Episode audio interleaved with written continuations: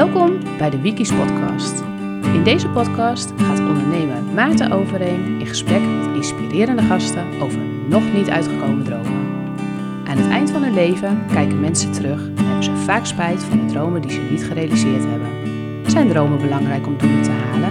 En kan het loslaten van dromen ook zorgen voor meer geluk? Luister mee en laat je inspireren.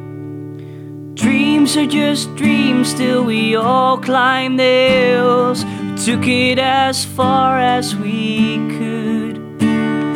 Wave after wave, we followed our paths. Sometimes more than we. Welkom uh, bij een nieuwe aflevering van de, de Wikis podcast. Uh, vandaag uh, op locatie in Loon, in mijn woonplaats, heb ik Rob van Oorsel te gast. Nou, wij kennen elkaar eigenlijk nou, nu net een half uur. Nou ja, uiteraard ga ik straks even wat aan jou vragen over wie je bent.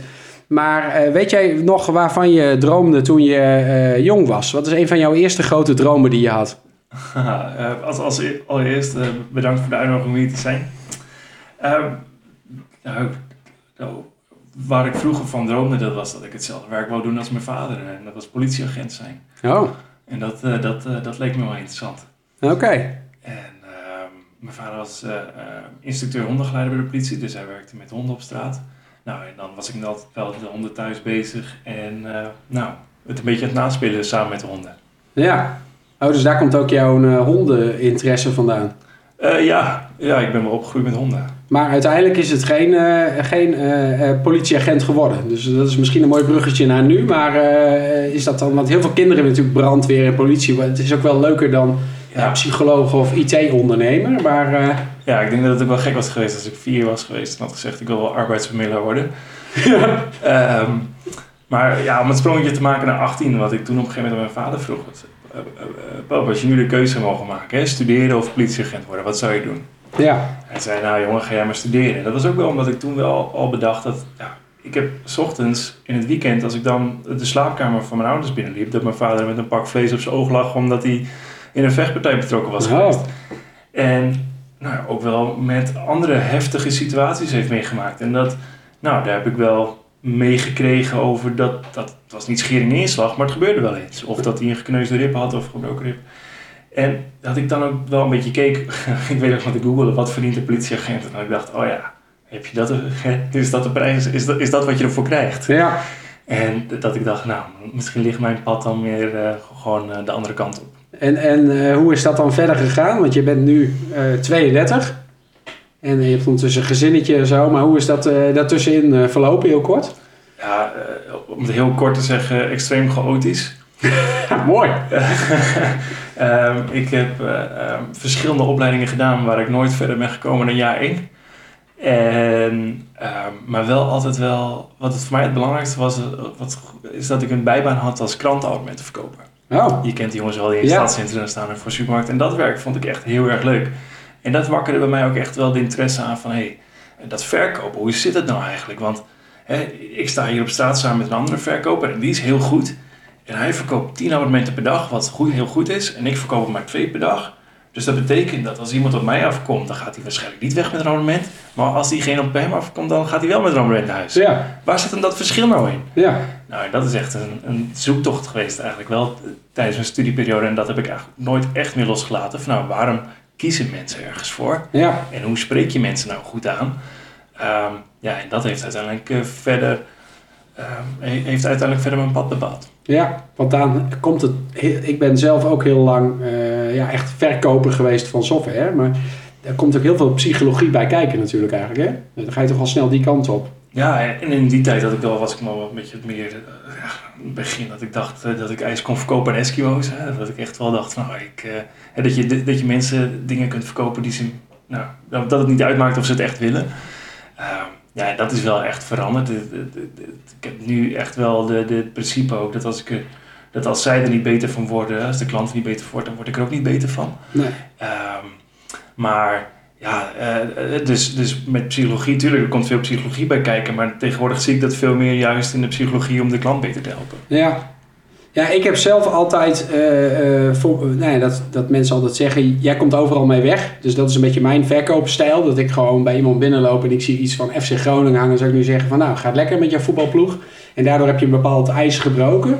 Maar ook nooit het gevoel dat ik het hoef te verkopen. Dus op een gegeven moment heb je een bepaalde sfeer gezet waardoor mensen je Ja. mogen en gunnen. En dan is het ook een win-win. Het is nooit een zero-sum game, zeg maar. Nee, en ik vind het een hele mooie quote. Volgens mij is die van Bob Burke. En eh, in het... eh, de, de, vertaald is het... Als alles gelijk is, dan doen mensen zaken met de, de persoon die ze, die ze, die ze het, meest, het beste mogen. Ja. All things being equal, eh, we do business with people. Ja, maar dat, dat is natuurlijk ook waar. Ja. Ja. Hey, en om toch even dan te gaan naar jouw bedrijf, waar je nu een jaar of vier mee bezig bent. Vier jaar op. Wat doe je precies? Arbeidsbemiddeling in de geestelijke gezondheidszorg. En heel concreet betekent dat als psychologen, psychiaters, als zij op zoek zijn naar een nieuwe baan, ehm, dan vragen ze mij om mee te denken van, oh, goh, wat, eh, wat is er voor mij te doen?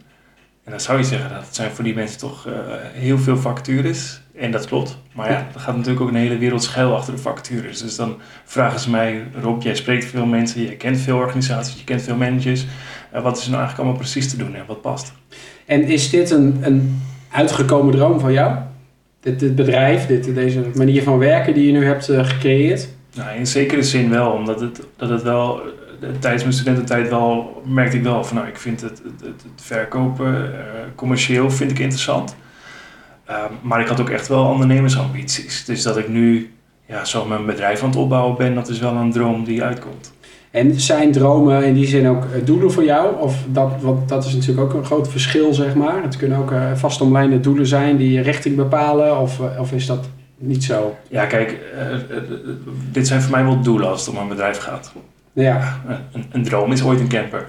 eh, waar je met je gezin mee rond kan toeren. Maar eh, als het om een bedrijf gaat, dan zijn het echt doelen. ja. Ja, en dat is vaak, eh, eh, voor ondernemers is een bedrijf vaak natuurlijk een middel in een doel. Dus het doel kan best de camper zijn, zeg maar.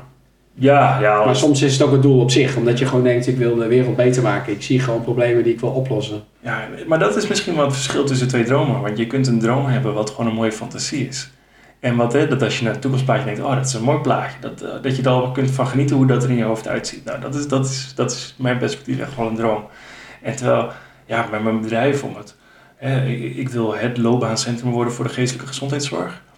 Ehm, ja, om daar naartoe te werken, ja, en daar stap in te maken, dat is ook een... Dat is, dat is ook, dat is, dus dat, dan, dan heeft een droom inderdaad wel heel veel gemeen met een doel.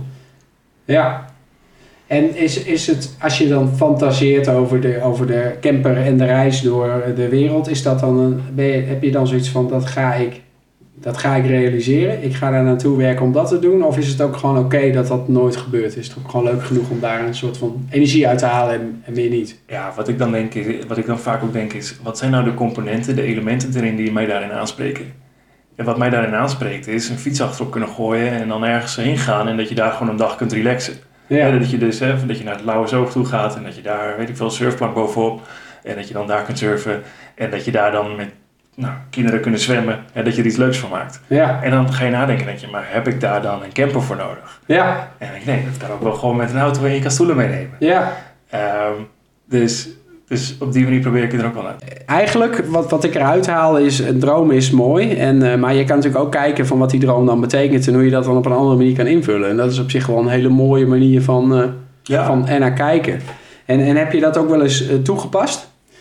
Dat je dacht, ik heb tien jaar lang eh, gewild om naar eh, Patagonië te gaan. Nu ben ik maar naar Portugal gegaan, want daar zijn ook bergen, dat is ook mooi. Eh, ik kan er nu niet een concreet voorbeeld bij, eh, bij, bij noemen. Maar ehm, ehm, ja, eh, kijk, wat ik in ieder geval wel, wel heb, is dat, dat wat ik mooi vind, is, het, is ook gewoon op pad zijn. Is dat het gewoon, eh, thuis eh, is altijd genoeg te doen. Maar ik vind het dan altijd heerlijk om gewoon, ook met- nu met jonge kinderen is het altijd allemaal iets uitdagender, omdat het iets meer voorbereiding treft. Eh, maar dan vind ik het ook fantastisch om met, eh, met mijn vrouw gewoon eh, de fietskar te pakken, de kinderen in de fietskar en te gaan fietsen. En dat De- zie je waar we komen. Denk je dat, en ik vraag je niet dit als expert, maar gewoon je persoonlijke mening, dat het hebben van hele wilde dromen misschien ook wel onderdeel is van mensen met bepaalde persoonlijkheidskenmerken? Dus die van nature wat meer voor vrijheid gaan of autonomie of avontuur, dat dat daarbij hoort?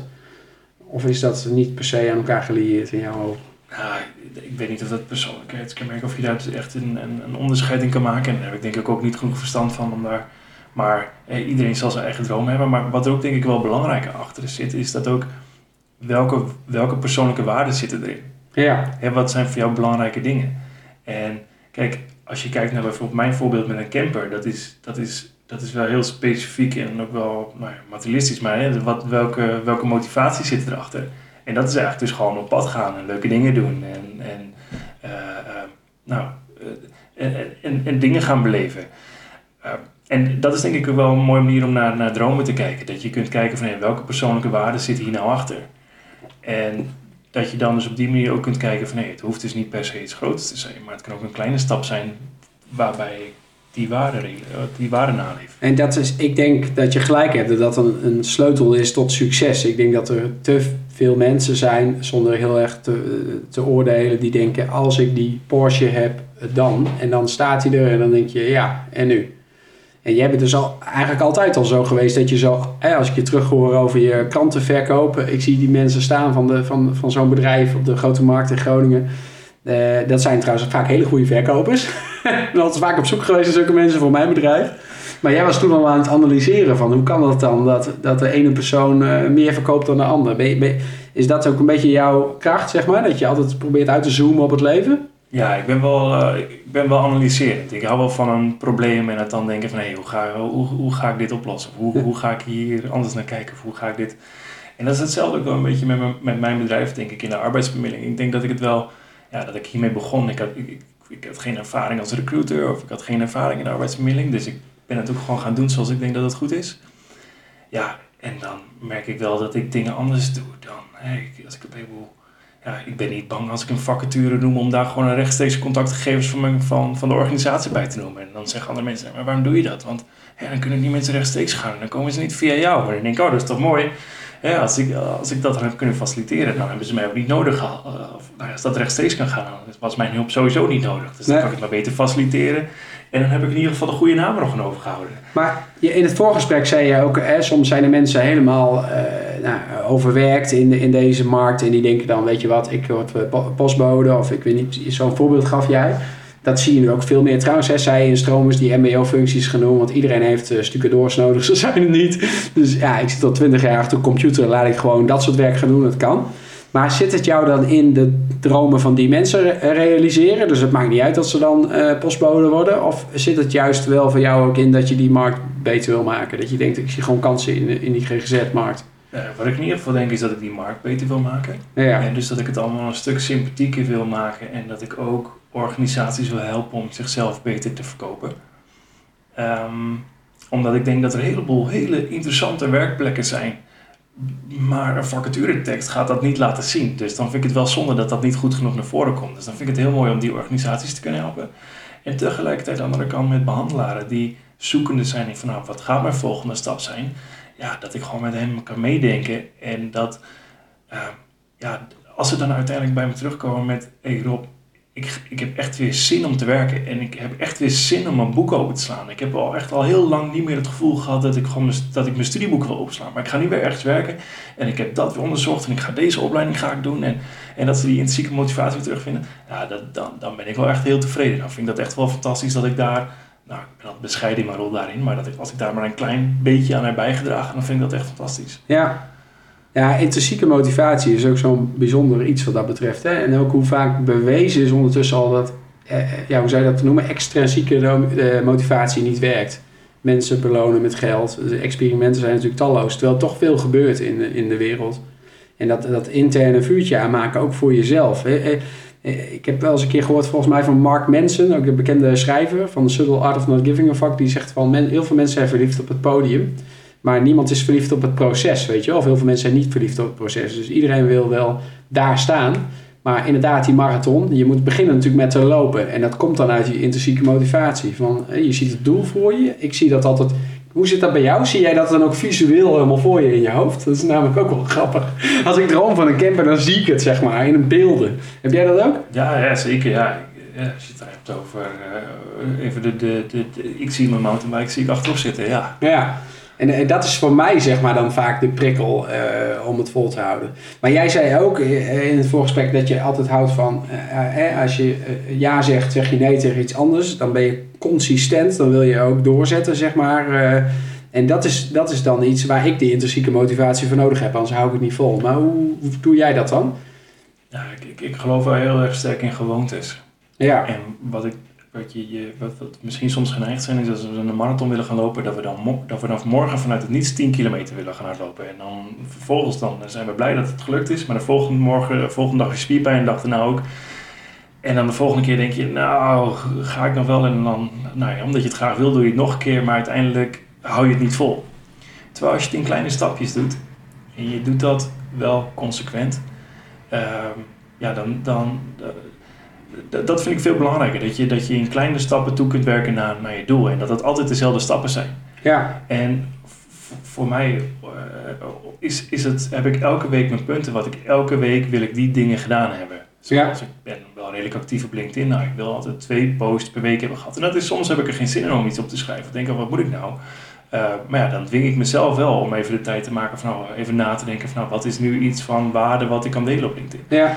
En uh, dus daar geloof ik heel erg in. Dat je, dat je, dat je, dat, dat, dat, soms dan, dan, dan vliegt een, een doel ons aan en dan denk je van nou, ik ga ervoor en we gaan er meteen volledig voor. En, dat, en ik ben dan heel vaak in de valkuil getrapt dat ik dan veel te hard van start ga en dat het dan uiteindelijk niet lukt. Ja. Terwijl als je dan in het begin jezelf kunt beheersen en die kleinere stappen kunt maken, dan, nou, dan, dan werkt het in mijn ervaring heel goed.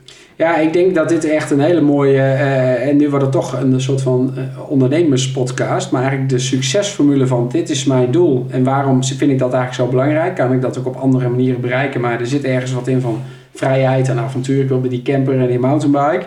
En ondertussen ga ik, geeft die doel mij een bepaalde richting, waardoor ik elke dag stapjes zet waarvan ik nu het resultaat nog niet zie. Ik ben dus, eh, Nirvana, die man leefde in de kofferbak, die waren alleen maar aan het oefenen en er kwam niks uit tot het punt dat iedereen zich geweldig vond.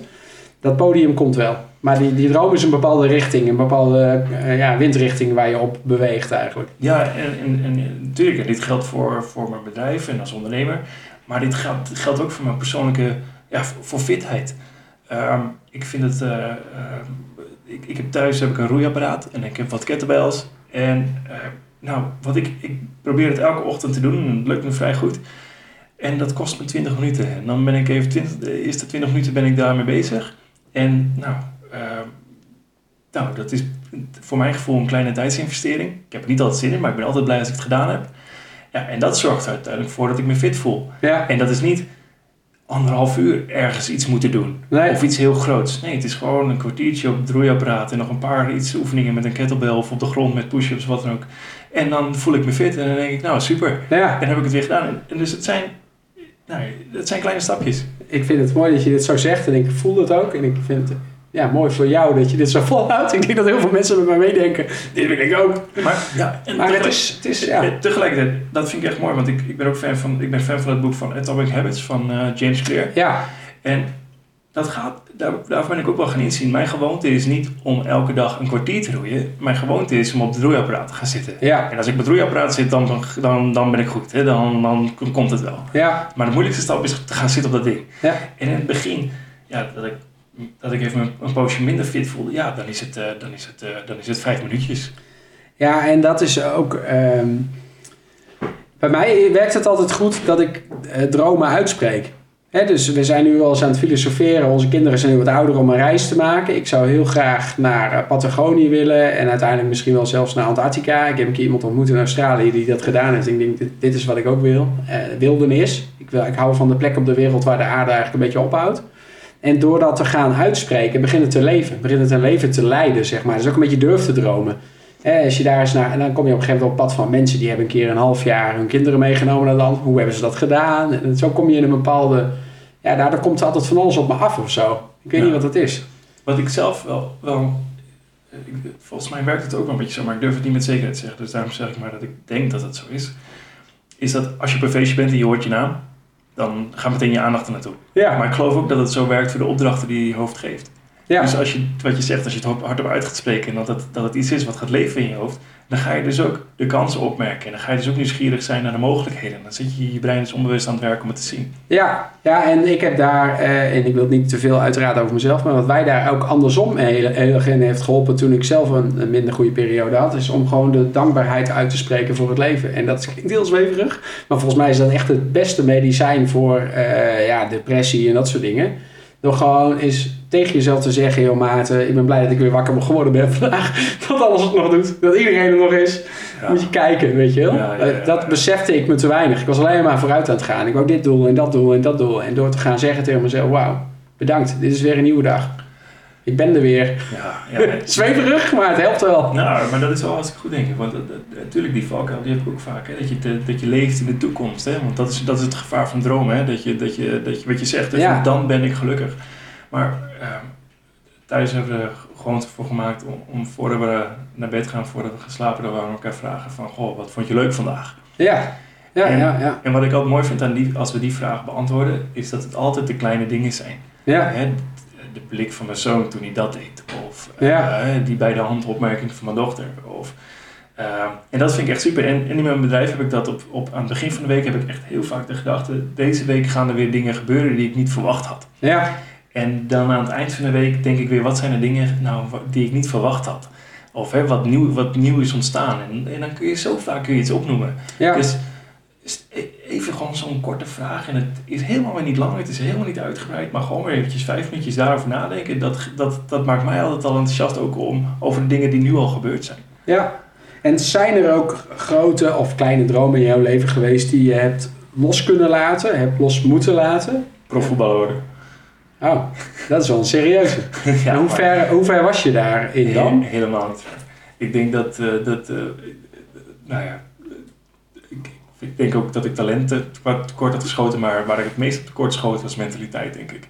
Ik, ik, ik wou zo graag dat, eh, dat ik iets te gretig was. Ja, En, en wat ik daarmee bedoel is dat ik was keeper en dan maakte ik een fout en dan vond ik dat zo verschrikkelijk en dan wou ik dat zo graag goed maken en daardoor maakte ik dan nog een fout en dan werd het toch slechter en tot op het punt dat ik echt heel ongelukkig werd voor voetbal. en heeft het dat, is dat ook een soort van bevrijding geweest, dat je dat los hebt kunnen laten? Of voelt het nog steeds een beetje als een verlies?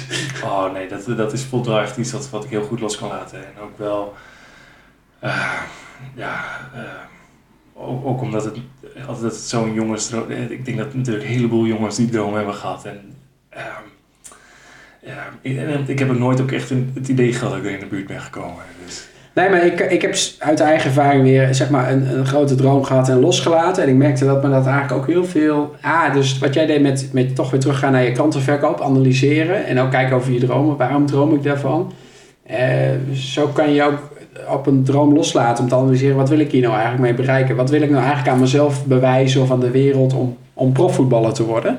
En eh, eh, ik kan me ook voorstellen als je dat dan loslaat, dat het ook bevrijdend werkt. Dat je denkt, nou ja, en ik heb mezelf laten zien dat ik dit gewoon niet wil. En ik ga nu wat anders doen. Er komt een soort ruimte in mijn leven of zo. ja, wat, er misschien, wat er misschien wel achter zit, wat wel interessant is, dat ik wel altijd de behoefte had om op de voorgrond te zijn. En om te laten zien dat ik goed was ergens in. En dat ik, eh, dat ik iets kon. En dat Ja, En dat ik, ja, proces van dat ik ook wel erachter ben gekomen dat mensen het helemaal niet zo, dat, dat, nou dat, dat het veel leuker is om het ook om over een ander te laten gaan. En dat, dat, het, dat die faciliterende, en, dat, en, en gek genoeg dat dan juist de complimenten komen. ja, Hè, dus dat je, dat, je, dat, dat je vooral je focus, dat ik mijn focus kan hebben op, op de mensen die ik wil helpen, om de mensen om me heen. En, en dat, dat het gek is dat zij dan zeggen, oh Rob, wat ben je goed bezig? Of, hey, of, wat, wat, of wat gaat je bedrijf goed? Of wat gaat... ja, En, en dan denk ik, oh ja, dat is wel leuk en dat vind ik leuk om te horen, maar dat komt omdat mijn focus op een ander is gericht. ja. Ja, en dat is inderdaad een, een hele moeilijke les voor mensen die zich willen bewijzen. En dat zijn natuurlijk ook vaak wel ondernemende mensen. Die willen ook iets laten zien. Dus het, is ook, het heeft een hele goede kant. Maar op het moment dat je andere mensen in de spotlight kan zetten, dan krijg je zelf de. Het is natuurlijk ook veel leuker. Als jij met iemand praat en je toont interesse in diegene en die kan zijn verhaal kwijt en die voelt zich gehoord, dat is natuurlijk veel leuker dan eh, ja, dat je jezelf aan het verkopen bent, wat ik ook eh, heel lang heb gedaan. Ja. Nog steeds wel eens. Ja, of en ik denk niet dat ik het zou kunnen, maar dat ik, dat ik iemand een baan probeer te verkopen. Hè, dat, dat, zeggen, dat ik ga zeggen, nou die baan moet je accepteren. Nou, ik denk niet dat het me zou lukken om dan iemand ja te laten zeggen, maar stel dat het me zou lukken, ja, eh, daar kan niks anders dan, eh, kunnen niks anders dan slechte dingen uit voortkomen. En dan, dan, dan, dan kun je dan wel laten zien, van, oh, kijk hoe goed ik ben dat ik dat voor elkaar heb gekregen. Maar ja, uiteindelijk levert je, je niks op en ook geen compliment op. Nee. En eh, ja, dit is natuurlijk een beetje een soort standaard vraag, maar ik vind het toch wel interessant om te stellen. Stel, er komt nu elke dag eh, 100 miljoen euro binnen op je rekening. Of jij krijgt te horen van, hé, hey, je hebt nog zes maanden te gaan. Wat zou je dan, waar droom je dan van? Wat zou je dan anders doen dan nu? Of zou je gewoon doorgaan? Ik denk dat ik als, ik, als ik nu onbeperkt geld op mijn bankrekening zou krijgen, dat ik dan, uh, dat ik dan met mijn bedrijf nu hetzelfde blijf doorgaan als ik, dat ik nu aan het doen ben. Dat ik misschien iets sneller kan groeien omdat ik daar dan de middelen voor heb. Ja. En tegelijkertijd zou ik dan ook wel heel bang zijn dat ik dan denk van nou, het wordt nu, te, dan word je misschien ook te makkelijk hè. Ja. Want, hè, want het is ook juist goed dat je wel restricties hebt en dat je daardoor dingen moet, zorgvuldig moet doen. Want als je een nieuw, uh, nieuw je laat een nieuw softwarepakket bouwen of je laat een nieuwe website bouwen, dan is geld is niet het. De, de, de, de, de formule zit hem niet in geld. Het zit Nee. vooral in een doordacht proces. Ja. Uh, dus dat, maar nou, als je lang verhaal kort gemaakt, ik zou een camper kopen. Ik zou uh, daar iets meer tijd in steken. Ik zou iets meer tijd in mijn, uh, mijn gezin steken. En ik zou wel gewoon met mijn bedrijf doorgaan. Ja. Ja.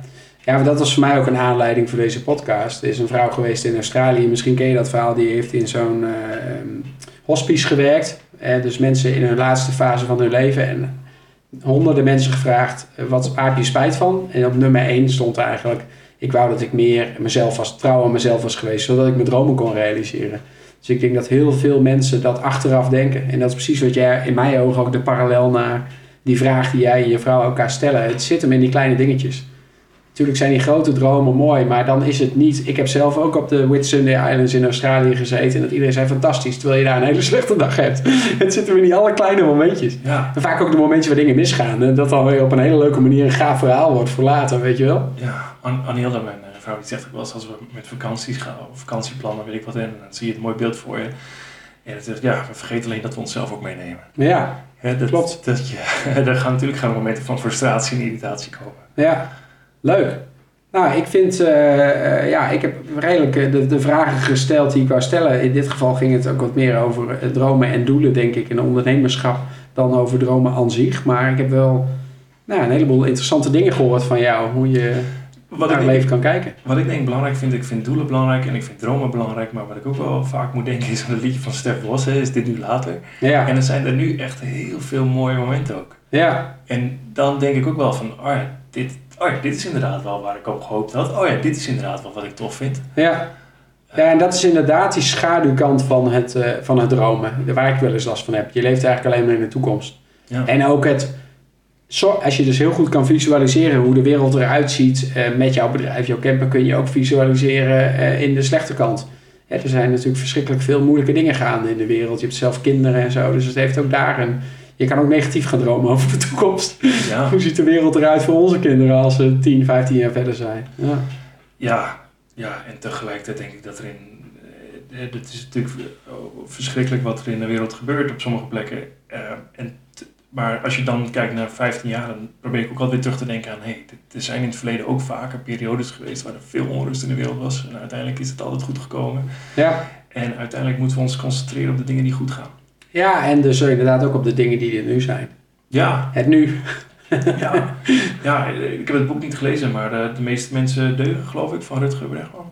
Nou, die ken ik. Ik ken wel heel veel van Eckhart Tolle en zo, die ook heel erg daarin zit. In ja, maar, maar, in ieder geval, wat ik altijd ook wel heb gehad, is dat als ik omheen kijk, dat ik denk, oh, moet je kijken, dat is iemand die iets goed doet voor een ander. Ja. En, en moet je kijken hoeveel goede mensen er, er dan zijn. Ja. Um, en dus dat is ook weer een kwestie van, uh, van perspectief. Ja, framing.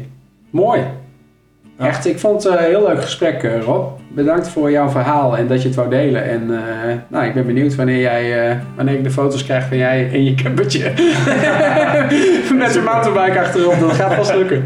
Ja, super. Misschien dus eerst met de auto, maar wie weet. bedankt voor het interview. Ik vond het leuk om hier te zijn en leuk om met je gesprek te mogen. Top. Thanks.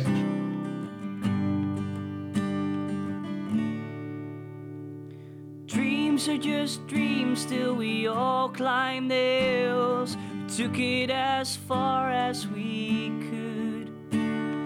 Wave after wave, we followed our paths, sometimes more than we should.